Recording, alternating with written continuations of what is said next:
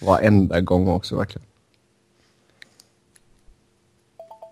Och hjärtligt välkomna till ett eh, sprillans nytt avsnitt av Svensk Fans NHL-podcast. Eh, mitt namn är Sebastian Norén och med mig som vanligt så har jag Niklas Wiberg och Robin Fredriksson.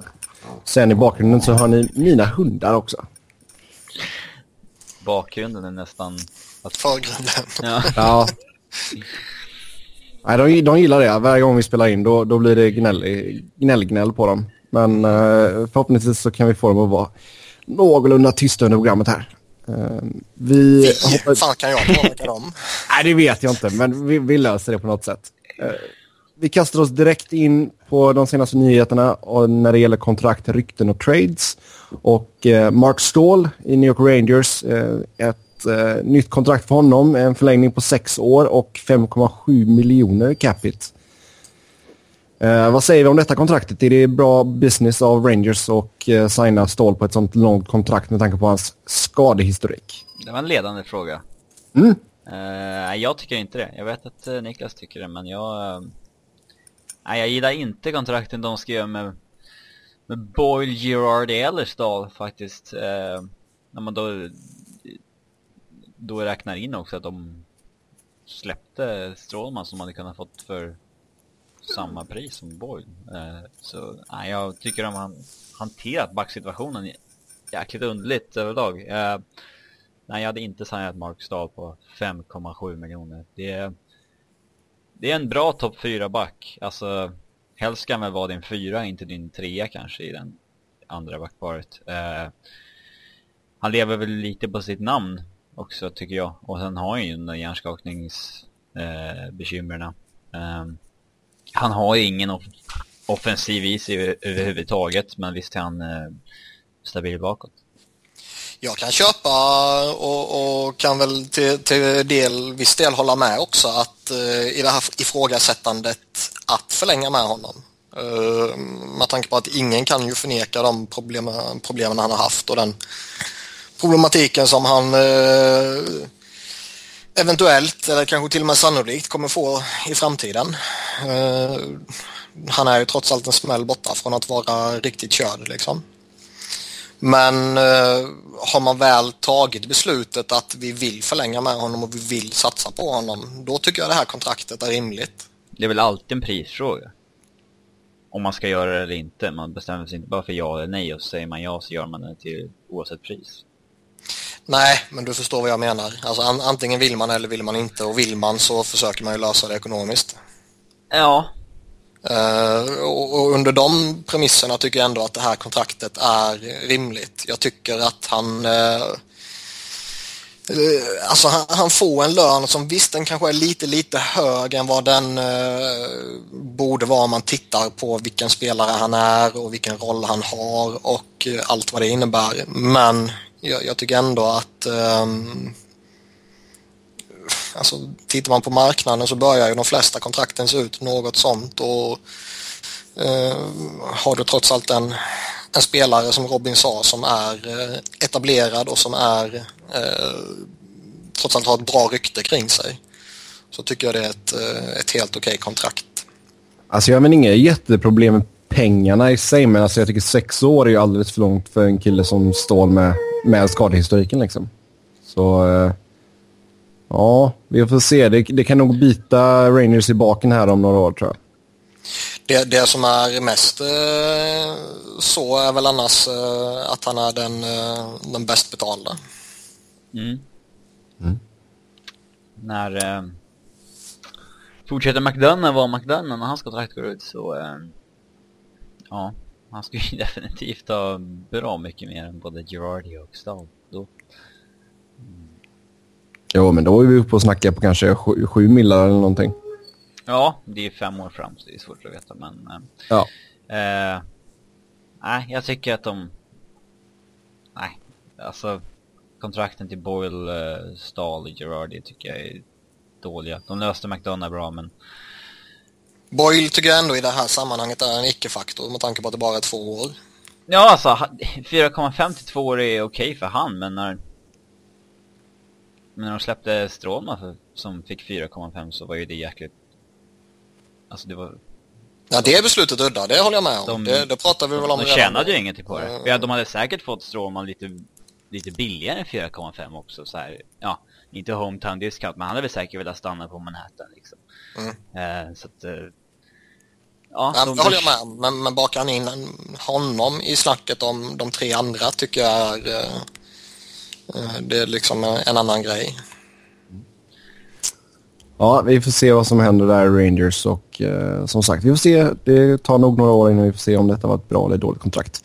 Sen Devin Dubnyk blev tradad från Arizona till Minnesota som har haft lite målvaktsproblem. Eh, man skickade ett tredje rundsval i årets draft i utbyte för Dubnyk som eh, ja, utan tvekan var min Arizonas bästa målvakt så här långt den här säsongen i alla fall. Vilket inte säger mycket men Nej, men det är väl också tydligt att, eh, och det sa väl eh, de också, Coyotes, att nu så eh, är vi redo att liksom börja trada. För det som säger, de släppte sin bästa målvakt och det är en tydlig signal på vad man kanske vill med den här säsongen. Ja, sen är man ju alltså... Mm, de var ju väldigt sådär bara, men Mike Smith, det är våran kille och bla bla bla. Alltså... ni får- det måste man ju säga. Jo, jo, absolut. Och han kommer ju stå typ 90 procent av resten av alla matcherna här är. Och jag menar, visst, antingen så tankar man och så får man ett top pick eller så kommer Mike Smith att hitta formen igen. Så det, egentligen är det ju inget liksom... Det är ju en win-win för man är, ju- man, man är ju inte i närheten av en slutspelsplats. Och, Nej, säsongen är körd sedan länge. ja, exakt. Det är bara att, som vi pratade om för några veckor sedan, det är ju bara att casha in så mycket som möjligt. Ja. Men, eh, ja, och sen egentligen, jag menar tredje rundsval, hur ofta hittar du... Det är väldigt sällan du hittar någonting riktigt bra i en tredje runda nu för tiden, men... Eh, det är alltid något. Eh, satt ju på utgående kontrakt och jag tror inte att man hade signat honom eh, till sommaren eh, med tanke på, alltså, han vill ju säkert ha längre term och lite mer pengar och så Han satt ju bara på 800 000. Nej, jag tycker man gjorde rätt som släppte honom. Eh, visst, man kan väl alltid kanske sitta och hoppas på att man skulle fått i andra rundan eller något sånt istället. Men jag tror ju inte att hans värde skulle blivit eh, högre i alla fall om man hade väntat. Utan jag, jag tycker nog ändå att det var rätt, eh, rätt tillfälle att släppa honom. Ja. Sen eh, Mark Arcobello eh, blev upplockad till Pittsburgh via waivers eh, från Nashville. Och, eh, vad kan han tillföra till ett Pittsburgh? Ja, lite djup framför allt. De, eh, de har haft sina skadeproblem och har fortfarande sina skadeproblem så eh, alla eh, Alltså även om det är lite komiskt att eh, man väljer att stärka upp med en Edmonton Reject eh, så är det ju trots allt en NHL-värdig spelare tycker jag. Han är helt okej. Ja, han kommer, han kommer göra sitt i någon av de lägre kedjorna och, och allt vad det innebär. Sen är det väl ingen som jag personligen skulle se som någon sån där som kanske kan eh, kliva upp så värst effektivt i kedjehierarkin om man skulle få ännu mer skador än vad man redan har. Nej. Sen eh, Martin Brodeur, eh, St. Louis, fick eh, en veckas ledighet. Och eh, nu har det förlängts. Eh, har vi någon tidtabell på när han ska vara tillbaka nu eller vad händer egentligen? Det har bara varit snack att uh, han får förlängt tills uh, efter All-Star-uppehållet nu som kommer till helgen. Sen tror jag väl att uh, alltså det, det är ju aldrig en bra situation tycker jag personligen att vara tre målvakter. Där du ska hålla igång alla tre på träningar och, och gärna matcher och, och så vidare. Utan det, det är inte en optimal situation. Så att man gjorde något eh, för att bara bli två, det, det tycker jag ju var korrekt agerat. Och det här var väl det enklaste sättet att lösa det problemet. För jag tycker ju inte att eh, Jake Allen ska ju vara i NHL och man ska inte trada honom. Eh, och skickar man ner honom tror jag till och med han måste gå via waivers numera. Eh, Brian Elliott, samma sak där. Eh, jag tycker inte man ska släppa honom för att behålla uh, Mardy. Nej. Och eh, kanske var det också talande när Minnesota går efter Dubnyk istället för Brodeur. Eller så var det så att Brodeur inte ville dit. Han kanske var deras första val, det vet vi inte heller. Mm. Nej, Minnesota var nog... eh, De la nog ut en hel del krokar där för att få en ny målvakt. Ja, de har haft ett problem ju. Men, men eh, kollar man på Brodeur så är det ju... Jag, jag tycker det är jävligt ovärdigt om det här skulle bli slutet på hans karriär på det här sättet. Man måste ju förstått att det här skulle hända. Alltså, när han signade i St. Louis. Det är väl inte helt omöjligt att han räknar med att eh, han kan bli så pass bra så att de kanske uh, tradar iväg Elliot. För det är ju ändå uh, Allen som är framtidsnamnet i blues. Snackelsen går ju att det finns ingen marknad som alls för honom. Så att, För uh, Brodeur eller Elliot? där. Ja, nej, det håller jag med om. Ja, vad ska han göra? Vi får se. Sitta hemma och rulla tummarna och hoppas att uh, Skador sker. skador sker och att det blir en ny Minnesota-situation någonstans eller något liknande.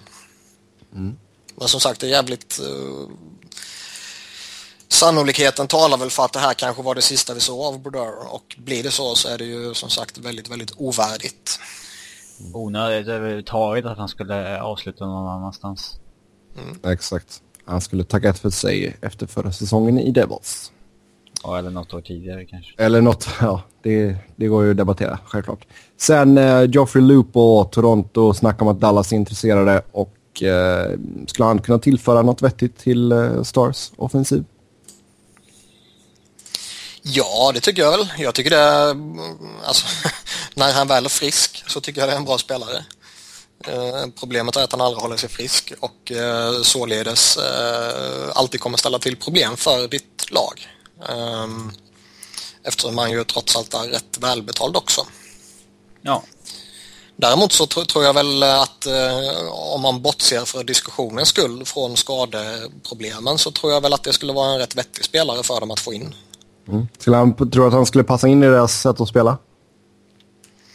Ja, alltså det jag sett av honom genom åren så tycker jag ändå att han är eh, liksom klok och anpassningsbar. Så jag tror inte det skulle vara något problem. Han kan spela både vänster och högersidan. Så, eh, jag skulle väl eh, överväga att, att hitta en, en målskytt som fungerar med Jason Spetsen. Ehm, och där tror jag LePull skulle kunna göra det bra. Men som sagt, han... När man tittar på hur verkligheten trots allt ser ut så är det ju trots allt en skadedrabbad verklighet på ett eh, långt och ett välbetalt kontrakt. Eh, så sett till det skulle jag ju vara väldigt restriktiv till att ta in honom. de har ju en lucka i sin topp 6 när Niturskin skadad. Som de förmodligen vill fylla. Eh, jag hade kanske gått efter någon annan än Lupul dock.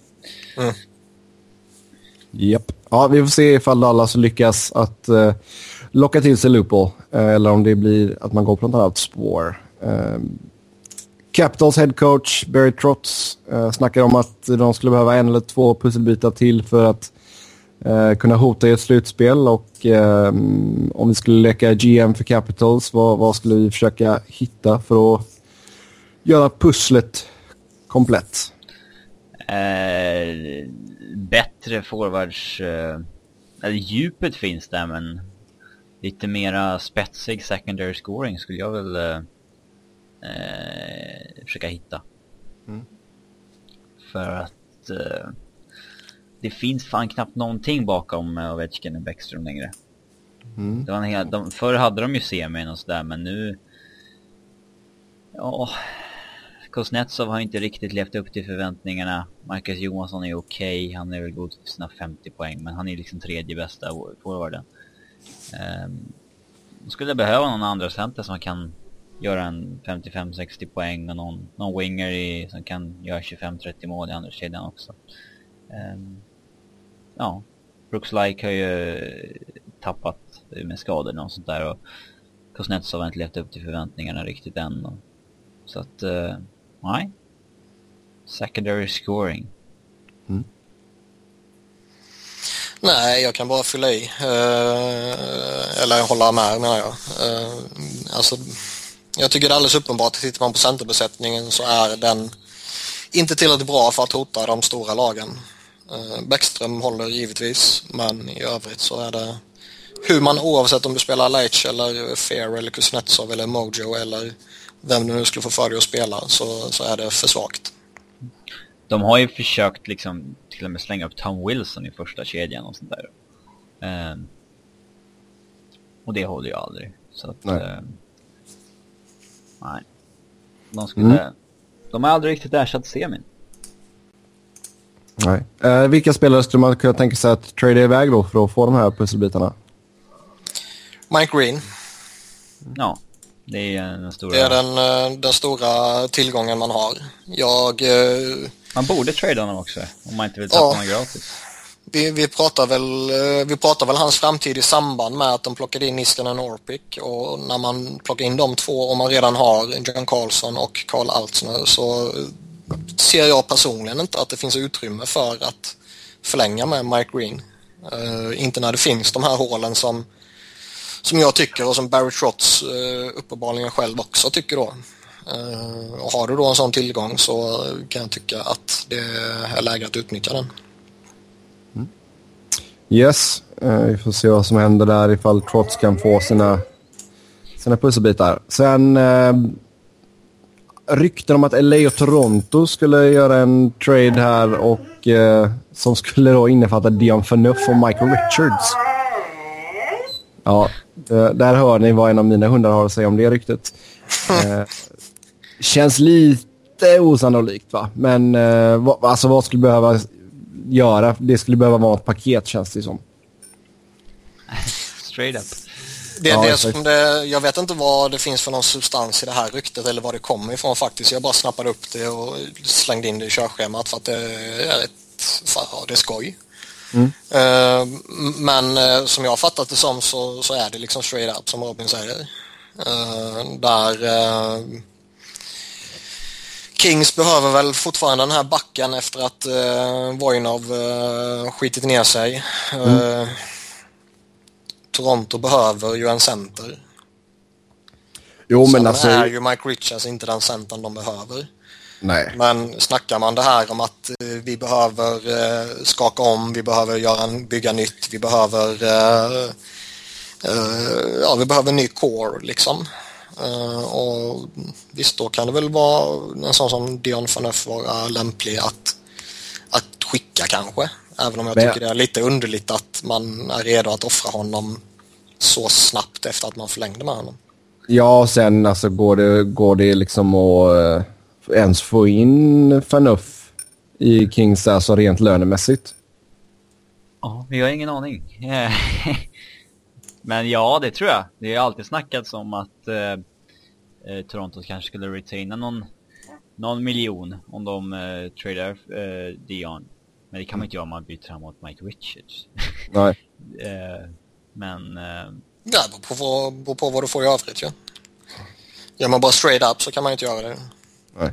ja, men man det snackas liksom om change of scenery för båda två och sådär. eh, Mike Richards är ju på väg att ta slut. Eh, alltså, eller på väg att ta slut. Han har inte mycket kvar. Och eh, alltså jag tycker inte alls att de spelarna är på liksom likvärdiga platser i karriären så att det liksom att, Nej, alltså Fanuff är ju en legitim första backs, eller första pars back. Ja, det tycker jag också. Eh, Eh, Mike Richards är uh, fjärde center som eh, det är snack om att han skulle varit petad liksom. mm, eh, nej, jag ser svårt att se någon logik i det. Eh, faktiskt, eh, hade ju varit bra för Kings men eh, ännu ett fett kontrakt på mycket lön hade ju skadat också. Mm. Jo, men det är just det som är Dions kontrakt där som jag känner är lite sådär... Vi är samtidigt av Men, men har, har du möjlighet att byta bort Richards kontrakt och istället Jo, jo, jo. Det är klart. så är det ju inget snack om vad du väljer. Jo, det är klart. Skulle man byta de här två rätt av så är det klart att Kings tjänar på det. utan mm. snack. Alltså det är, jag menar visst, jag har mina reservationer mot Fanuff, men det är, det är inte som hockeyspelare utan det är mer som, som ledare och person. Så det är klart att det... Men vi vet ju alla vad det var liksom, du tyckte samma som Ryan Getzlaff liksom. Så vi mm. vet ju alla vad... Fast det har ju, det har ju faktiskt erkänt att jag, jag har ändrat uppfattning. Ja, ja. Det, det är kanske mycket... om Dion också. Ja, mycket väl kanske om man skulle hamna i ett annat lag. Ja. Um, Ska nej, viss skillnad sagt... på honom bredvid en Dowdy istället, istället för att... Ja, vem är han spelar med nu? Är det Corbinian Holzer? Eller? Ja, det är klart att det har varit ett lyft för honom att få spela med en sån underbar back som Drew Dowdy. Jag tror det ska vara ett lyft för honom bara att komma bort från Toronto. Ja, ja absolut. I princip oavsett vilken... I, I princip oavsett vilket lag han kommer till så tror jag det skulle vara ett lyft bara att komma bort från den jävla hysterin och uh, all den pressen som är på honom. Ja. Mm. Sen, sen, tar man honom till Kings så skulle jag väl inte spela honom med Dowdy. Nej. Nej, Låta dem spela, eh, leda ett backpar vardera liksom. Drieger snackade ju om både det här med att trada Fnuff och Kessel, att det ändå liksom... Att det kunde ske.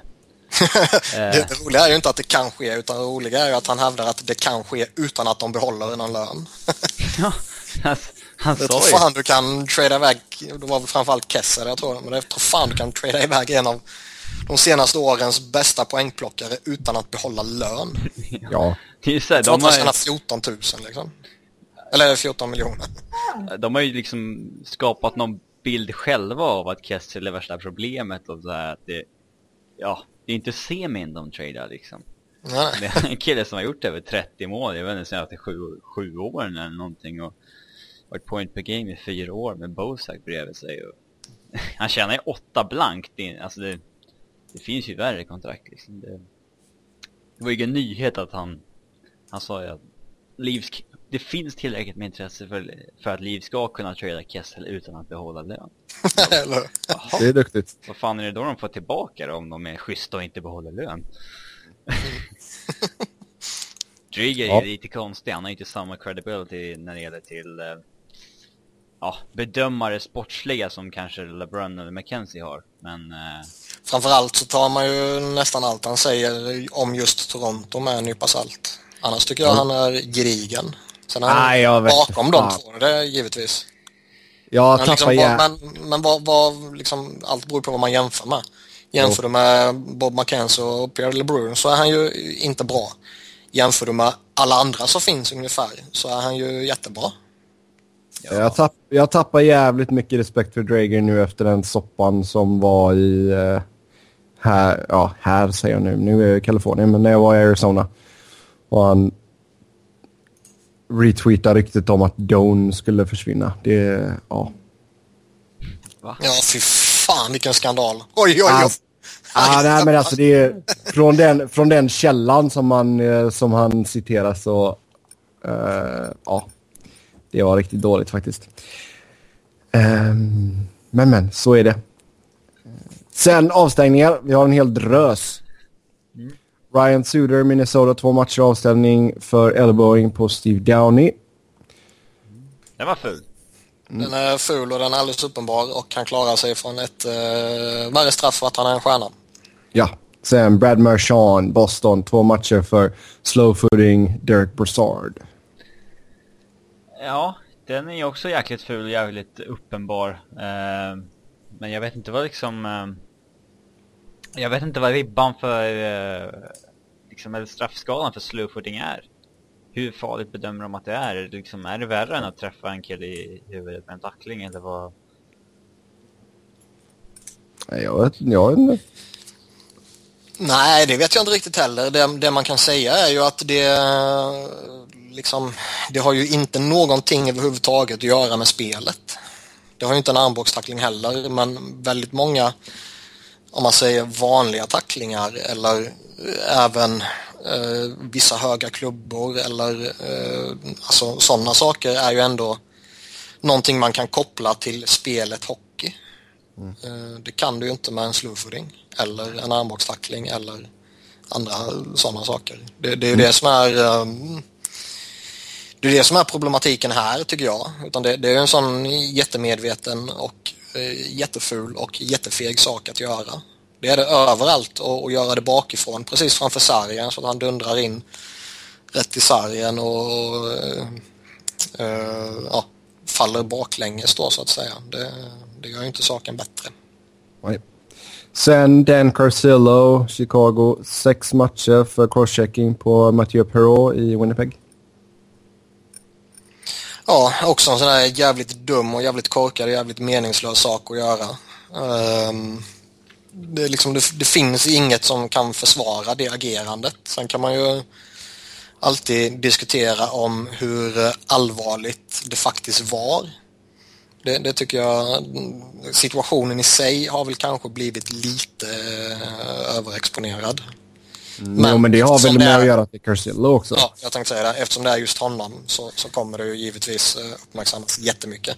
Men var inte uh, Downeys crosschecking på Nelson var ju värre än den där? Det var ju ingenting. Tror jag. Ja, nej, men det... Pittsburgh klarar sig undan sådana saker, vet du. Sen... Uh, Zach Rinaldo kommer ha ett in, uh, in-person hearing för uh, boarding slash charging på Crystal Tang. Och eh, Niklas, vi vet ju att Ronaldo har lite av ett rykte om sig också. Eh, vad, ah, vad tror du att han kommer få och vad tycker du är rimligt att han ska få? Jag hoppas han får tvåsiffrigt antal matcher. Eh, för, eh, men det är ju mer för att jag är så jävla trött på idioter. Uh, jag tror han kommer landa kanske 7-8 matcher, vilket jag tycker är rimligt. För det är, eh, det är en sån fruktansvärt ful grej han gör. Han hoppar in i tacklingen bakifrån när det inte är en del av spelet. Um, man märker också att han har ingen kontroll alls på vad han gör där ute. Alltså, nej, nej, nej. Han, är liksom, första... han kan inte kontrollera sig själv. Det var ju så jättetydligt den här matchen att... Uh, Alla alltså, byten av ute hade han kunnat göra likadant. Liksom. Ja, ja, han verkligen. bara runt och han, han liksom, folk, liksom. Ja, headhunter i princip. Ja. Uh, och uh, jag kommer inte ihåg nu om det var lockout-säsongen eller om det var säsongen innan dess där han ändå visade några framsteg. Uh, han började döda lite utvisningar och gjorde det okej. Okay. Han uh, drog framförallt, eller framförallt fick han med sig fler utvisningar än vad han drog på sig själv. Och, och liksom, det fanns någon form av hopp om att han kanske skulle kunna bli en, uh, en, vad ska man säga, en rejäl spelare för en fjärde kedja som man kan lita på.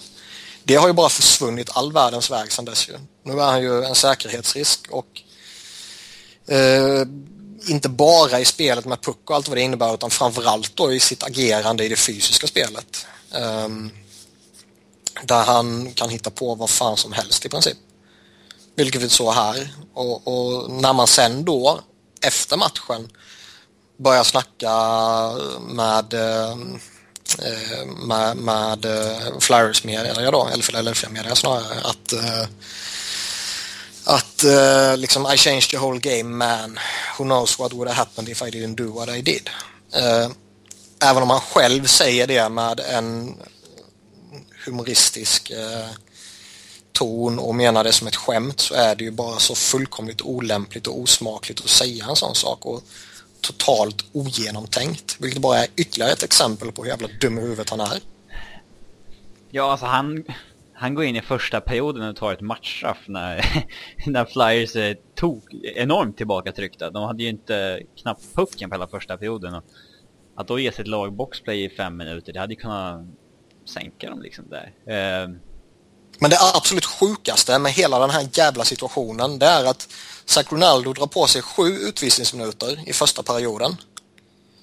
Ändå så spelar han mer i första perioden än vad Jake Voracek och Wayne Simmons gör. Mm. Det är ju liksom... Hur fan kan Craig Berube fortfarande ha ett jobb? ja. Han har ett mission.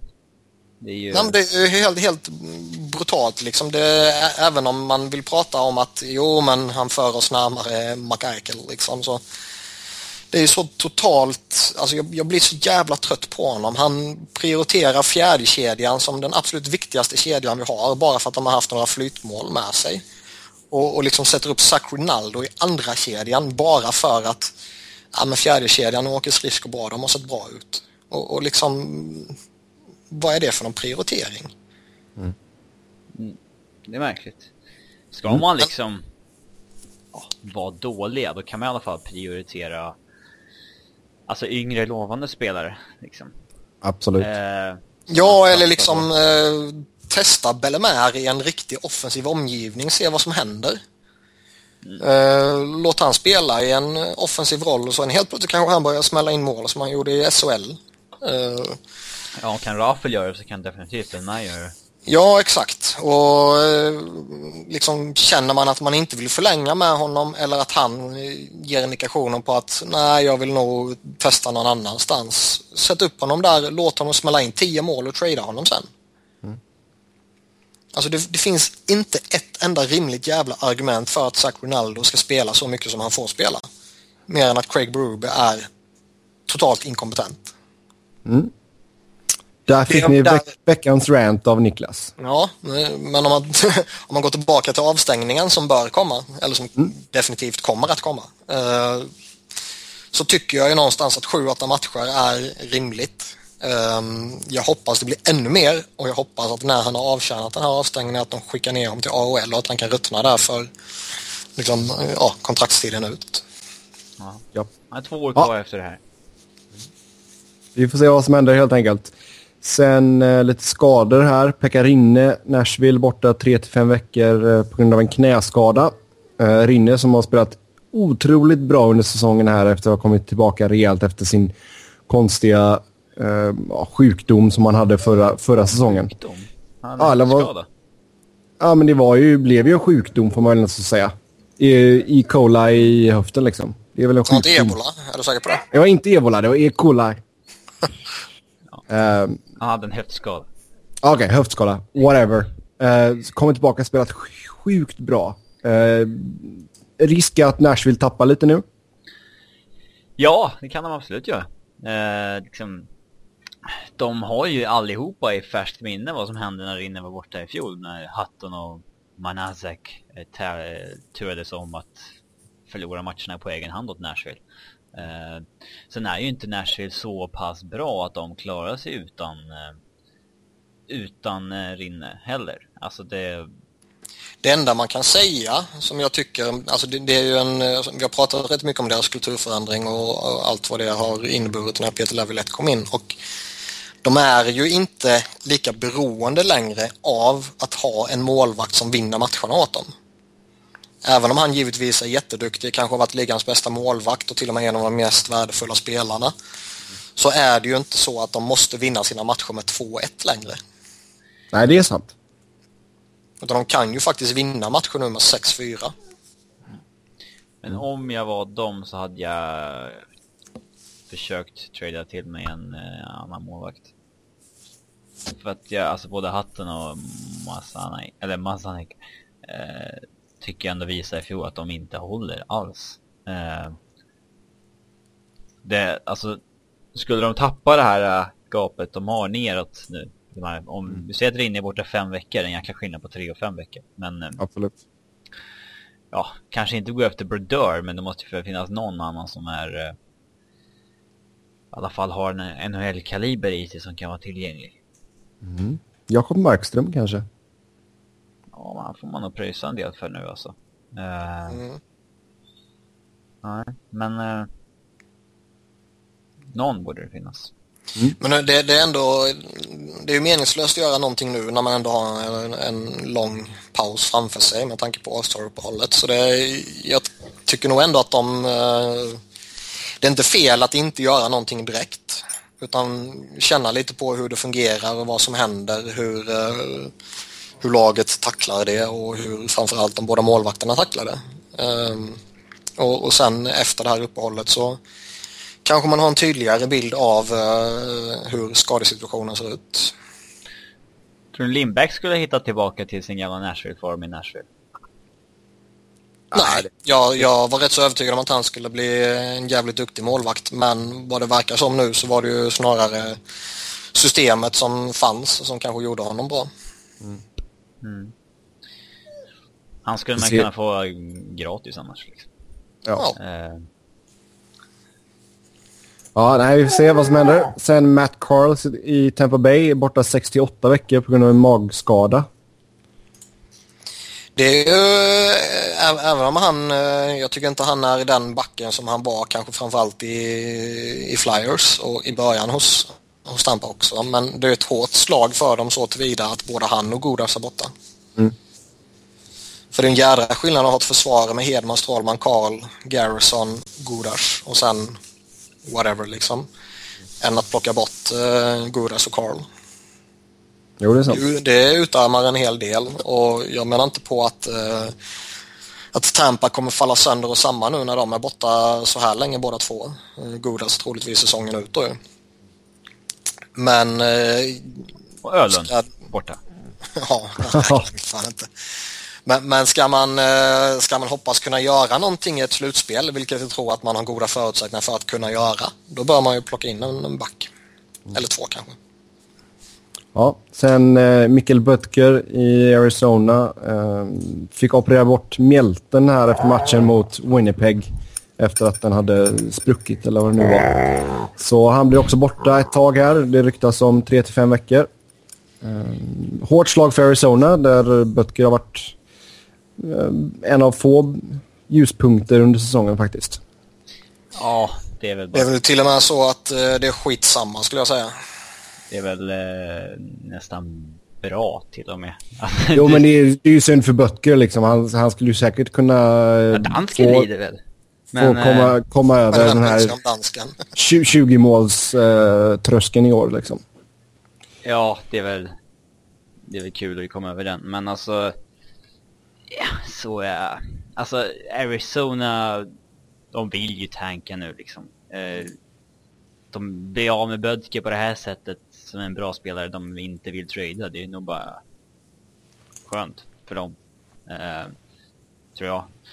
Måste de bara hitta på något sätt att bli av med Oliver Ekman Larsson utan att trada honom också.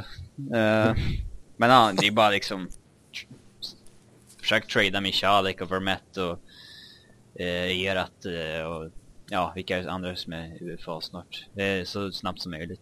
Mm. Ja. Sen eh, Rob Blake fick eh, sin tröja hissad av LA Kings. Eh, trevligt, tycker jag. Eh, vad tycker ni? Inte det där lite... Och det är... Alltså... Inte han lite halvt illa omtyckt där ändå? Eller borde jo, han inte vara det? Han var det, det ett tag. Det var väl lite känsligt avskedad där väl? Ja, dels så krävde han ju en trade eh, till Avs. Då var ju eh, Kings inga slutspelslag och sådär. Eh, så det kanske var förståeligt. Han var väl pending UFA också när han var 32 då eller någonting sånt. Eh, mm. Sen så gick han ju tillbaks till Kings. Ja. Eh, sen så stack han ju till, ja, all NHL-rivalitet är ju lite på låtsas känner jag, men eh, att han, han ändå stack till Sharks sista två åren, det borde ju ändå vara lite som... Ja, det, det, var, det var ju inte alls populärt. Nej, men det är väl lite som att... Det var väl... Kings hade väl inget emot att behålla honom då heller. Det var väl han som ville...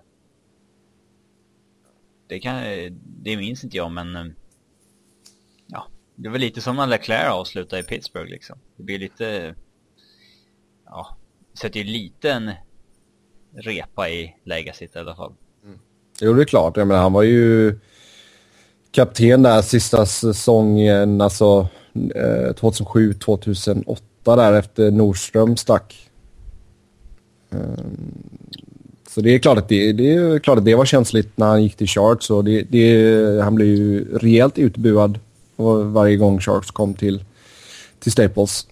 Men man glömmer alltid sådana saker som supporter. Det, alltså det är samma sak med det är jättemånga som inte tyckte om Eric Lindros så värst mycket efter uh, den jävla sagan som var i Flyers till exempel. Men man glömmer sådana saker. Um, nu vill alla in honom i Hall of Fame, hela Philadelphia.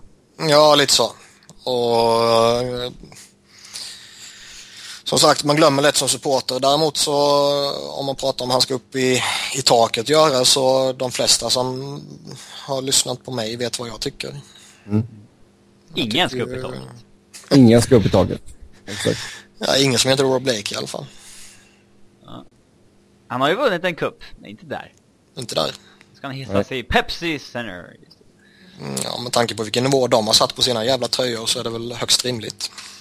Ja, han vann ju samtidigt som Ray Bork. Eh, och ju ändå kvar några år efteråt, det gjorde ju inte Bork. Nej, Han gjorde väl fem sex år i alla fall i Ja, Abs. fy, han kom ju där, körde halva året och sen spelade han fyra år till tror jag. Eh, Mm. Så att, eh, nej. nej. Upp med han i taket. Nej, Han vart ju lite, det var ju han som startade Peter Muellers hjärnskakningsbekymmer. Eh, I Avs. Genom att eh, båda honom lite lätt.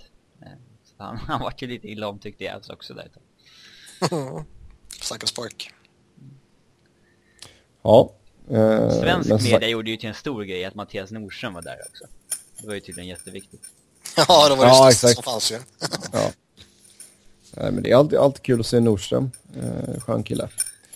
Eh, vi går vidare då och vi ska snacka lite just om eh, rivaliteter i ligan. Och eh, det är väl klart att Sharks och Kings är en av dem, men det är ju inte den hetaste. Eh, vilka tycker ni är, är, om vi säger de hetaste rivaliteterna? Vi har ju haft ett gäng genom åren. Boston-Montreal tycker jag alltid är lite hetsigt. Den är fin. Framförallt tack vare Gemelin och Milan Lucic. Men, eh, Men det är ju en rivalitet som går tillbaka eh, från noll också. Det är ju det som är så charmigt med den. Det är ju inte bara en rivalitet som har fötts fram de sista fem åren liksom. Utan det har ju alltid varit så. Eh, Det, det, det, det är ju det jag gillar med sådana rivaliteter. Absolut. Flyers och Penguins. Ja, det är bara att titta på fin. senaste matchen.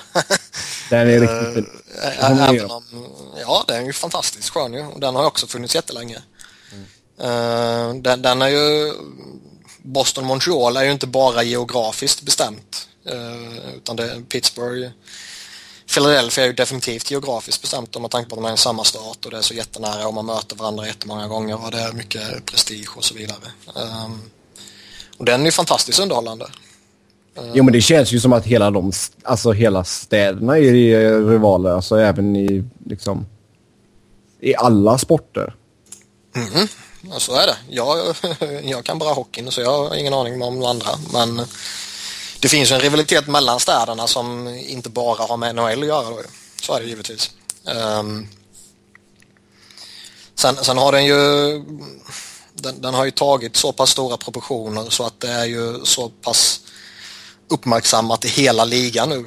Eh, vilket fick eh, ja, lyftes fram ännu mer då i samband med den här slutspelsserien för några år sedan. nu.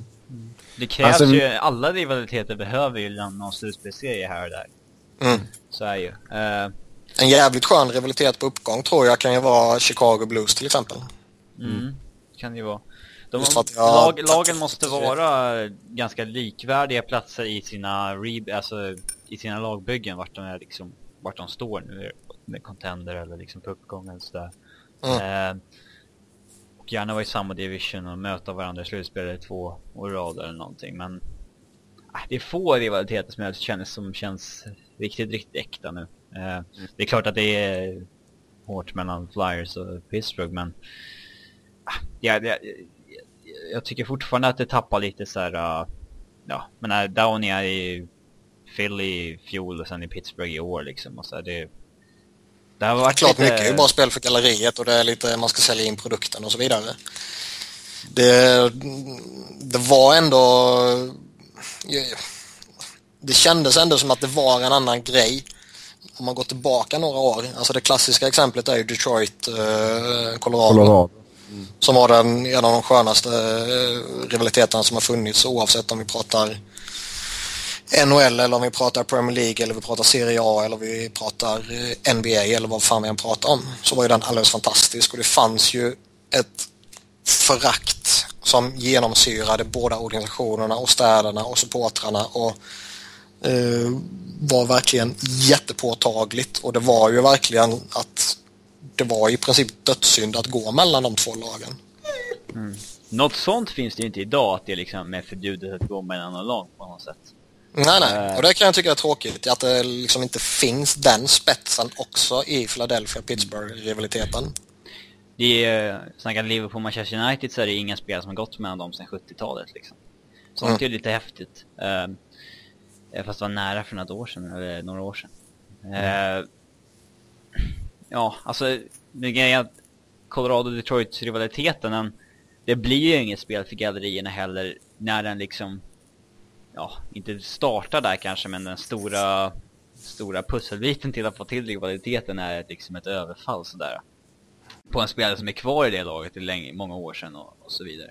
Då, eh, ja, de, den grejen skapar ju mer en, ett förakt på riktigt än just den geografiska, mm. liksom, vart städerna ligger någonstans. Eh, eller lagen hör hemma. Fast det, ja, det beror på vad man tittar på. Eh, den geografiska aspekten tror jag är viktig för fansen. Ja. Men mm. jag, jag, tror liksom det här snacket du kör om en skada och, och det, det tror jag kan vara drivkraften för spelarna. Ja. Jo, alltså det är klart att alltså, om man tittar... på samma sätt. Mm. Nej, exakt. Men jag menar, tittar man just på det geografiska, alltså LA och Anaheim, visst de har en bra rivalitet så, men jag tror inte att, alltså bland fansen, men jag tror inte, och även San Jose såklart, men jag tror inte att spelarna känner samma rivalitet. Nej, men Kings och LA, alltså de har ju inte haft den här, de här slutspelsdrabbningarna på det sättet ju. Eller vad sa jag, Kings och LA? Ja. Men... Det sa jag va? Ja, jag menar ju Kings och Ducks såklart. Nej. De har ju inte haft den rivaliteten på det sättet. Nej, utan det är, ehm. i, i slutspelet har de mer varit Kings och Sharks. Mm. Och det, det känns ju mer... Det känns ju inte som en rivalitet, det känns ju bara som förnedring. Mm. Men det finns, jo, det... alltså tittar man på som, som, i mitt tycke riktiga rivaliteter i dagens liga så ser jag väl tre stycken. Toronto-Montreal som alltid kommer finnas där av uppenbara anledningar. Montreal-Boston som jag pratat om och sen Philadelphia-Pittsburgh som jag pratat om. Sen tycker jag det finns några som kan vara lite på uppgång. Jag nämnde Blues eh, Blackhawks till exempel. Jag tror Rangers Islanders nu om, om det visar sig att Islanders kan vara eh, ja, på, på rätt väg helt enkelt så tror jag den kan bli väldigt lovande. En rivalitet som kändes på uppgång för några år sedan men som dog ut helt med realignment. Det var ju eh, Avs och Edmonton när de var i samma division och bägge var liksom de draftade mer eller mindre jämsides så här. De tog Hall, Hopkins, eh, Avs eh, tog Blandeskog och Duchene och så här. Att de, de var exakt samma, liksom, på samma resa. Och det var liksom, fansen hatade verkligen varandra där med vilken young core som var den bästa och sådär skit. Men där kändes det som att oj, där kan det faktiskt bli någonting. Men sen dog det ut det helt med realignment såklart och, och att Edmonton fortfarande är i fas 1 på sin rebuild. uh, Calgary Edmonton som annars borde ha alla förutsättningar för att vara riktigt, riktigt hett. Den har också känns lite sådär medioker mot slutet. Men det har ju också att göra med Bägge att de dåliga. lagen har varit dåliga. Ja. De behöver en slutspelsserie eller någonting. Ja, ja. ja, Nej, vi får se ifall vi har några nya rivaliteter som tänds här snart. Det, det känns ju som att en som kan vara lite på uppgång också, det kan ju faktiskt vara Pittsburgh och Columbus om de får ett slutspelsmöte uh, igen och Dubinski hittar på lite djävulskap igen mot Crosby och Malkin och sådär. Mm. Islanders Rangers borde ju kul om de kunde få igång någonting nu när Islanders liksom är på gång. Mm. Vad tror ni om alltså Blackhawks och uh, Pittsburgh då? Jag tror ska man få den riktiga rivaliteten behöver man ligga i, i samma konferens och gärna samma eh, division. Nej, för det är ju alltså, man har ju... Man kan ju bara äh, mötas i final liksom. Ja. Nej, för här, här borta så har ju NBC Sports Network har ju börjat köra Rivalry Night på onsdagar. Mm. Och det är ju bara trams De bara plockar topplag och sätter mot ja, varandra. Exakt. Uh, så i, i natt då för er eh, svensk tid så är det ju Blackhawks mot Penguins och sen eh, Kings mot Sharks. Mm. Så det, det blir lite forced. Ja, men King, Kings Sharks känns ju ändå som vi pratade om lite tidigare. Det känns ju ändå som en förhållandevis naturlig rivalitet att eftersöka. Ja, ja, den är, ju, den, är ju, den är ju legitim men den är ju inte ja. het. Nej, nej, man försöker bygga upp den ju. Ja. Men, men just att liksom para ihop någon form av rivalitet över de båda konferenserna, det tycker jag är... Uh, alltså det, nej, det ska krävas jävligt mycket för att det ska funka tror jag. Mm. För det, det är som vi sagt hela tiden, man behöver de här jävla slutspelskamperna. Mm. Det när det inte känns som... plast längre liksom. När det är ja. ända på riktigt. Det är... ja. Just nu känns det som vilka spelare som helst än och jag skulle kunna gå från vilken klubb till, som helst till en annan och det, liksom, det skulle inte få några större konsekvenser. Liksom. Och då... Mm. nej, det... Nej men det är, det är som sagt, det är, det är om någon skulle... Det är lite alltså, showbusiness fortfarande överallt. Typ om, om Giroux skulle gå till Penguins eller Crosby skulle gå till Flyers. Men då vet man ju att det är samtidigt inte de som har tagit... Alltså det är, det är lagen som har tradat dem då. Det är inte... Giroux som har ett utgående kontrakt och säger att Nej, men vi väntar med att förhandla till sommaren. Sen så dag ett på free signar för Pittsburgh. Liksom. Mm. Det är en... Ja, det hade varit något. Ja. Eh, vi går vidare och eh, tänkte kolla med er ifall ni tycker att det är någon, eh, någon av de vanliga contender-teamen som borde spränga sin core om man floppade i slutspelet. Nej. Nej. Tack vad tråkig du är. Tack för att du dödade det ämnet Robin. ja, men jo, det finns ju några sådana lag. Ja, men vi säger att Boston ryker i första rundan liksom. Är det dags att säga nej, nu bygger vi om här? Jag tror, eh, skulle Boston rycka tror jag någonting kommer hända. Eh, sen tror jag kanske snarare det att man kanske eh, låter Peter Chiarelli gå, alltså sin GM, och, och försöka hitta något annat där.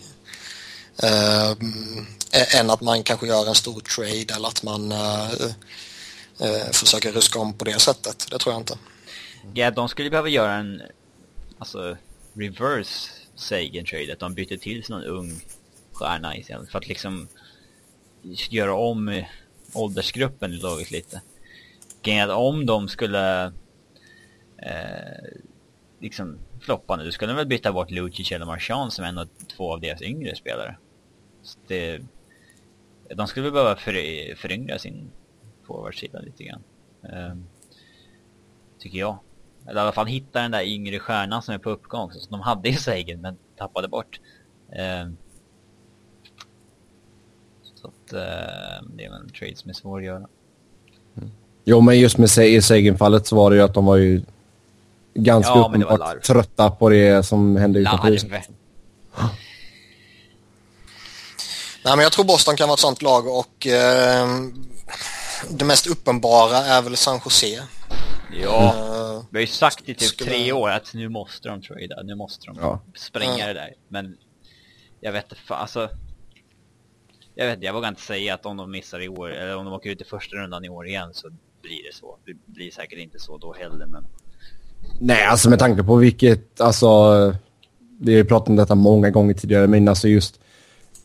Alltså slutspelet förra året och gå från att leda med 3-0 till att ryka liksom. Alltså det, det var ju verkligen epic fail. Och jag menar liksom, gör man ingenting då så varför skulle man göra det nu? Man kan ju, det kan ju faktiskt, det har ju lett till något positivt eh, också faktiskt. För Boston var ju exakt samma situation. När Philadelphia vände mot dem. Mm. 2010, sen gick de och vann 2011. Så det kan ju faktiskt få en grupp till att sluta sig och, eh, utan att skaka om och köpa massa nytt. Eh, få det till att bli ännu bättre genom eh, den här lilla förnedringsdrivkraften om man säger så. Ehm, jag är väl inte helt övertygad om att den skulle finnas i San Jose men man kan ju inte avskriva det förrän man har sett slutspelet. Ja, det är sant. Ja, nej, vi får se. Är det något annat lag som ni vill ta upp? St. Louis är lite intressant. Ja, där är, det finns det är folk som skrek efter Hitchcocks äh, äh, avgång och sådär när de floppade i fjol. Sen skulle de åka ut i en första runda igen. Då... Eh, då lär det hända någonting där. Sen är ju frågan då hur... hur eh, alltså det, det, är inte så att man... Eh, att man floppade mot eh, Dallas ena året och sen mot... Eh, ja, de mötte liksom Edmonton andra laget. Men det var ju Chicago liksom. Ja. Och det var inte så att de blev och åkte inte dit fyra raka. Nej, nej, verkligen inte. Så frågan är ju om det är någonting som... Eh, man ska ha i bakhuvudet när man, när man analyserar en sån grej. Spränga kåren är alltid lite starkt, eh, det skulle ju nog ingen göra. Nej, men eh, säg en, en stor trade, en blockbuster eller eh, eh, sparka coachen eller sparka GM eller något sånt där. Att göra fyra stycken stora trader, det är det väl inget lag som gör. Men hur många legitima con contenders har vi då? Alltså... Eh, Kings är en contender, jag tror inte de ändrar någonting även om de åker ur tidigt. Eh, Chicago kommer väl göra... Eh, alltså de har ju sina förändringar de kommer tvingas göra på grund av Taves och Kings nya kontrakt. Och de följer väl de planerna oavsett hur det går i slutspelet här. Mm. Anaheim är en contender men de... Ja, det är väl bara Getzlaff och Perry som är the core där. Uh, Framförallt så känns det som att äh, även om de skulle floppa så äh, eller floppa och åka i första rundan då, vilket man kanske ska definiera en flopp som i mitt tycke. Så äh, är de ändå fortfarande på den här liksom, fasen in i att på fullast allvar bli en contender. Mm. Det är inte så att de har varit det under flera år som typ Chicago. Då. Nej. Jag vet inte om Pittsburgh gjorde väl sin i somras liksom när de bytte bort Neil och mot Hörnqvist och så här, försökte få sig ett mer djup istället för en spets framåt bara. Eh. Ja, framförallt så var det ju både GM och coach som försvann. Mm. Det kommer ju liksom inte ske att de, nej nu skickar vi Malken eller något. Om nej, nej, nej, nej, nej. Mm. Ja, nej, vi får se vad som händer, vilka som quote då floppade i slutspelet. Um, sen lite svensk fokus här nu att uh, avsluta programmet med. Uh, vilka svenskar har varit bäst? Vi ska, ja, vi ska se vem som har varit bästa målvakt, bästa back och bästa forward. Eh, vi kan börja med bästa målvakt. Är det någon som är ens nära Henrik Lundqvist där? Alltså det, egentligen är det väl inte det. Jag, jag tycker...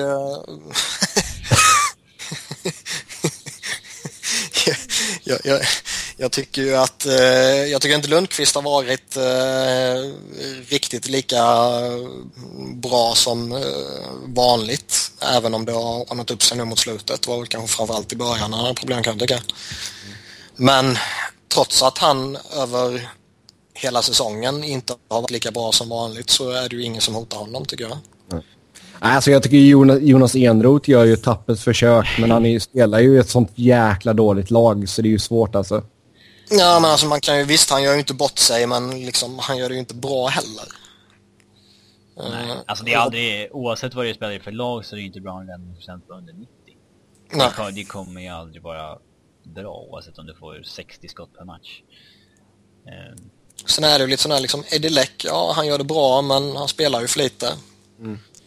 Uh, liksom Niklas Svedberg, ja, man kan väl inte hänga honom direkt men eh, precis kanske mer en produkt av det och han spelar för lite.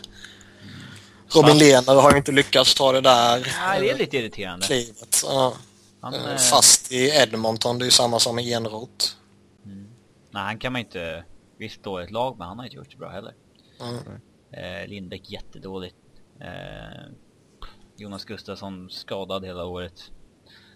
Eddie Leck har väl okej siffror, man har bara vunnit tre av elva matcher han har startat. Mm. Uh, ett lag som ändå är above 500 tror jag. Um, att, nej. Tyst nu Rooney! nu när den inte hördes typ. uh, nej, det är inte jätte, jättebra. Mm. Okej, okay, Henrik Lundqvist bästa målvakt då. Sen bästa back. Eh, ja, hade vi snackat Norris så eh, det är klart att Hedman ska ha den, men liksom han spelat för lite för att vinna den svenska Norris. Liksom. Mm. Eh, Erik Karlsson gör det ju tappert i ett, liksom, ett jäkligt dåligt lag. Det, han, han gör ju sin roll jäkligt bra liksom. Mm. Det, eh, men eh, det är klart, alltså Strålman har gått jätte, jätte, jättebra i Tampa. Eh, Kronvall, eh, ja, jag tycker han växer in i rollen mer och mer som liksom den ledande backen i Detroit. Eh, många, eh, här, till skillnad från mål, målvaktssidan har vi ju jäkligt många bra backar på uppgång. Liksom. Jag fan trodde att John Klingberg skulle ha 18 poäng. Ja, exakt. Eh, liksom, han är över en, han, on pace för kanske 50 poäng på en hel säsong. Liksom. Det är ju sjukt bra. Eh, så där, här är det mycket spännande på uppgång. Mm. Jag skulle vilja slå ett slag för Hampus Lindholm som jag varje gång man ser Anaheim är man jävligt imponerad av honom. Jag tycker han, han är grymt bra. Han kom ju verkligen från ingenstans där när han, eh, när han kom fram. Han gick som mm. sexa i draften och sådär. Bara baserat på att han spelade sista 30 matcherna på säsongen i Rögle i Allsvenskan. Och så boom, gick sexa i draften. Och ett år i AHL, sen rätt in i NHL och riktigt, riktigt bra back.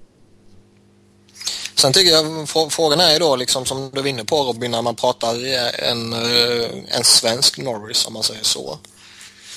Så jag är ju lite tudelad på om man kan inkludera Hedman där eller inte. Jag tycker det är en liten annan grej när man pratar okej okay, bästa svensk eller bästa amerikan eller bästa finländare än om du pratar okej okay, bäst den här säsongen hela ligan. Mm. Där är jag lite tudelad. Jag skulle vilja ha med Hedman mest för att när han väl har spelat har han varit så jävla bra. Mm. Ja, det är, han har varit bäst. Mm. Uh, säger Hedman där då, som bästa back. Sen uh, bästa forward. Um, vill väl slå ett litet slag för Filip Forsberg där faktiskt. Ja, alltså han... Uh... Finns ingen som är bättre än Zetterberg. Nej, jag tycker ingen, det är jäkligt få som driver sitt lag som Zetterberg gör. Det är, nej, han är nog klart bäst enligt mig. Eh, Bäckström är ju mer en produkt av Ovechkin än tvärtom. Även om han, liksom, han är duktig såklart. Eh, mm. Mm, nej, det finns ju några sådana där som man gärna skulle vilja lyfta fram. Alltså man vill gärna lyfta fram Alexander Sten som verkar kunna göra det här en säsong till. Ja. Eh, Niklas Bäckström är ändå en gedigen eh, producerande center. Filip Forsberg har gjort det fantastiskt bra. Eh, Sedinarna tycker jag är okej okay också. Gustav Nyqvist har fortsatt på den inslagna vägen också.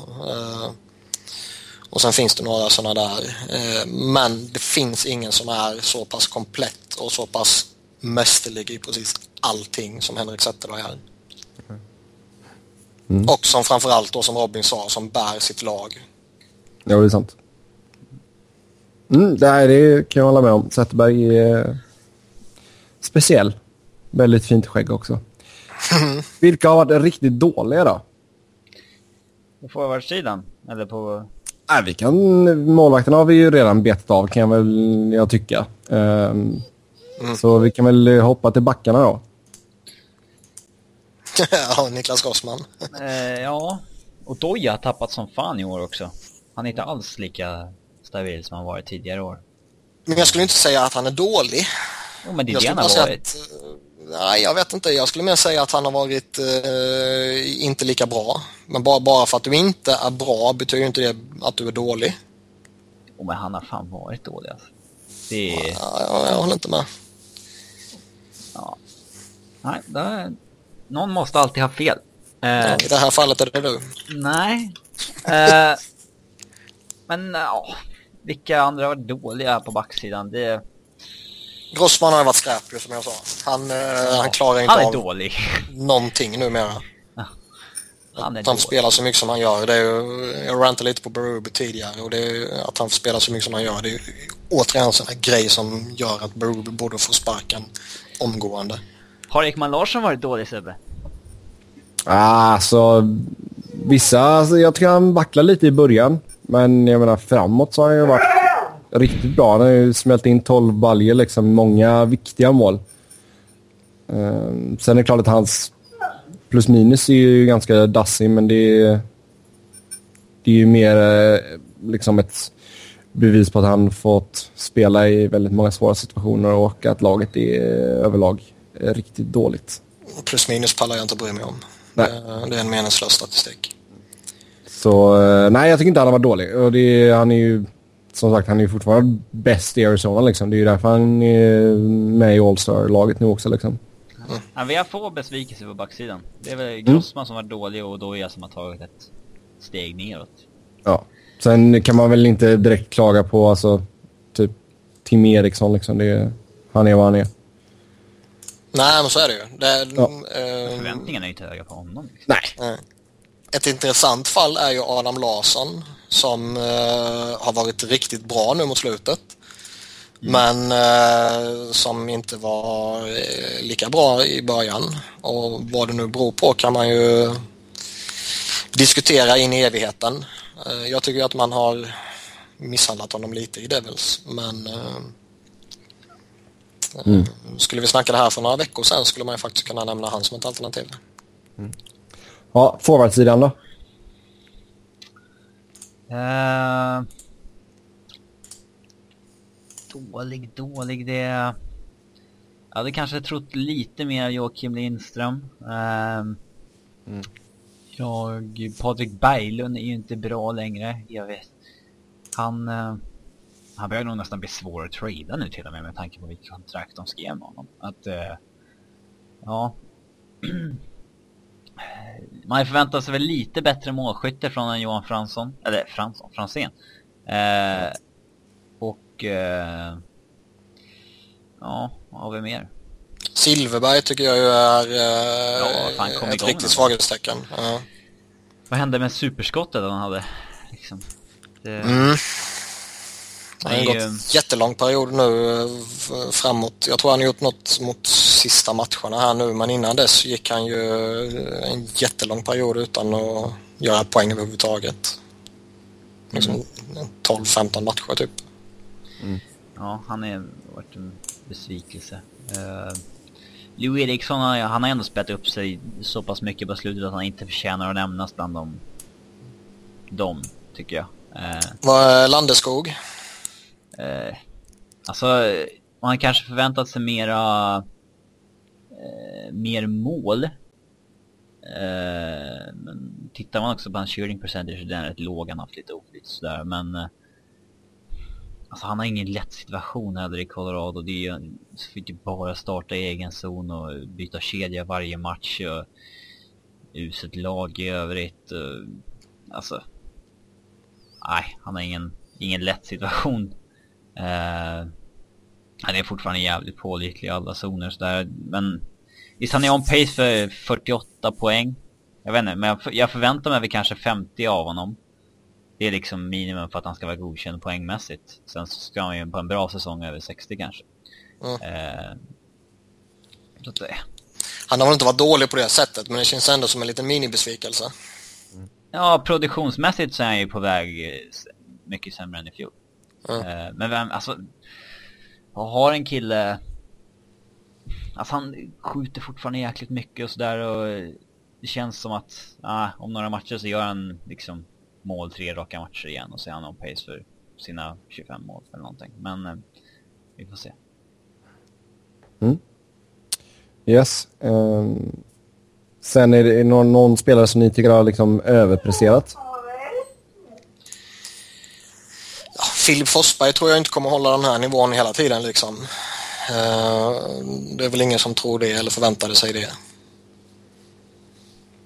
Nej. Svårt att se överpresterat är ett, också så här, det är Jo, det är, det är klart att det är svårt. Eh, Absolut.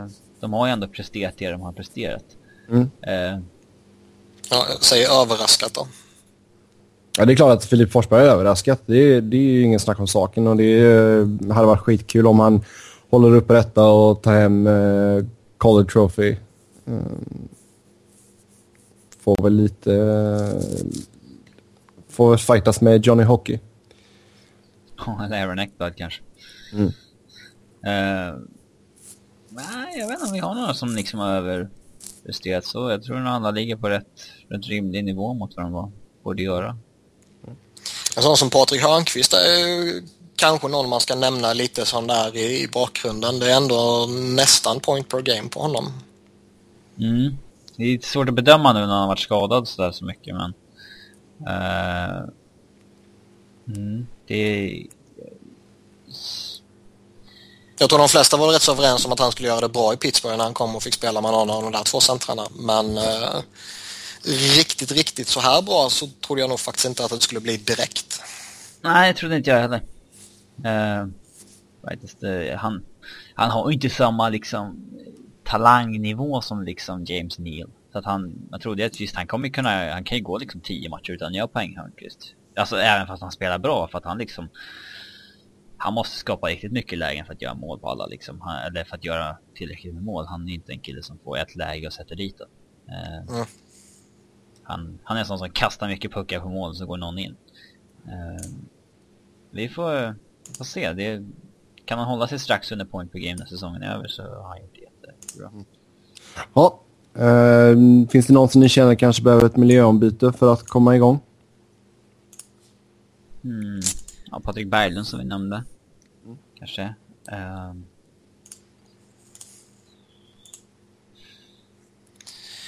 Det, det, är väl få som vi har konstaterat som, som inte har funkat denna säsongen men Berglund är väl definitivt eh, en av dem. Han eh, spelar väl en roll och på en position som han kanske inte riktigt är ja, är maximalt för att eh, få ut det mesta av honom. Viktor Stålberg behöver ett miljöombyte. Ja, men frågan om det är väl kanske snarare så att det är skador man ska skylla på där. Mm. Och det tror jag, det, skador är ju tufft att koppla till miljöombyte.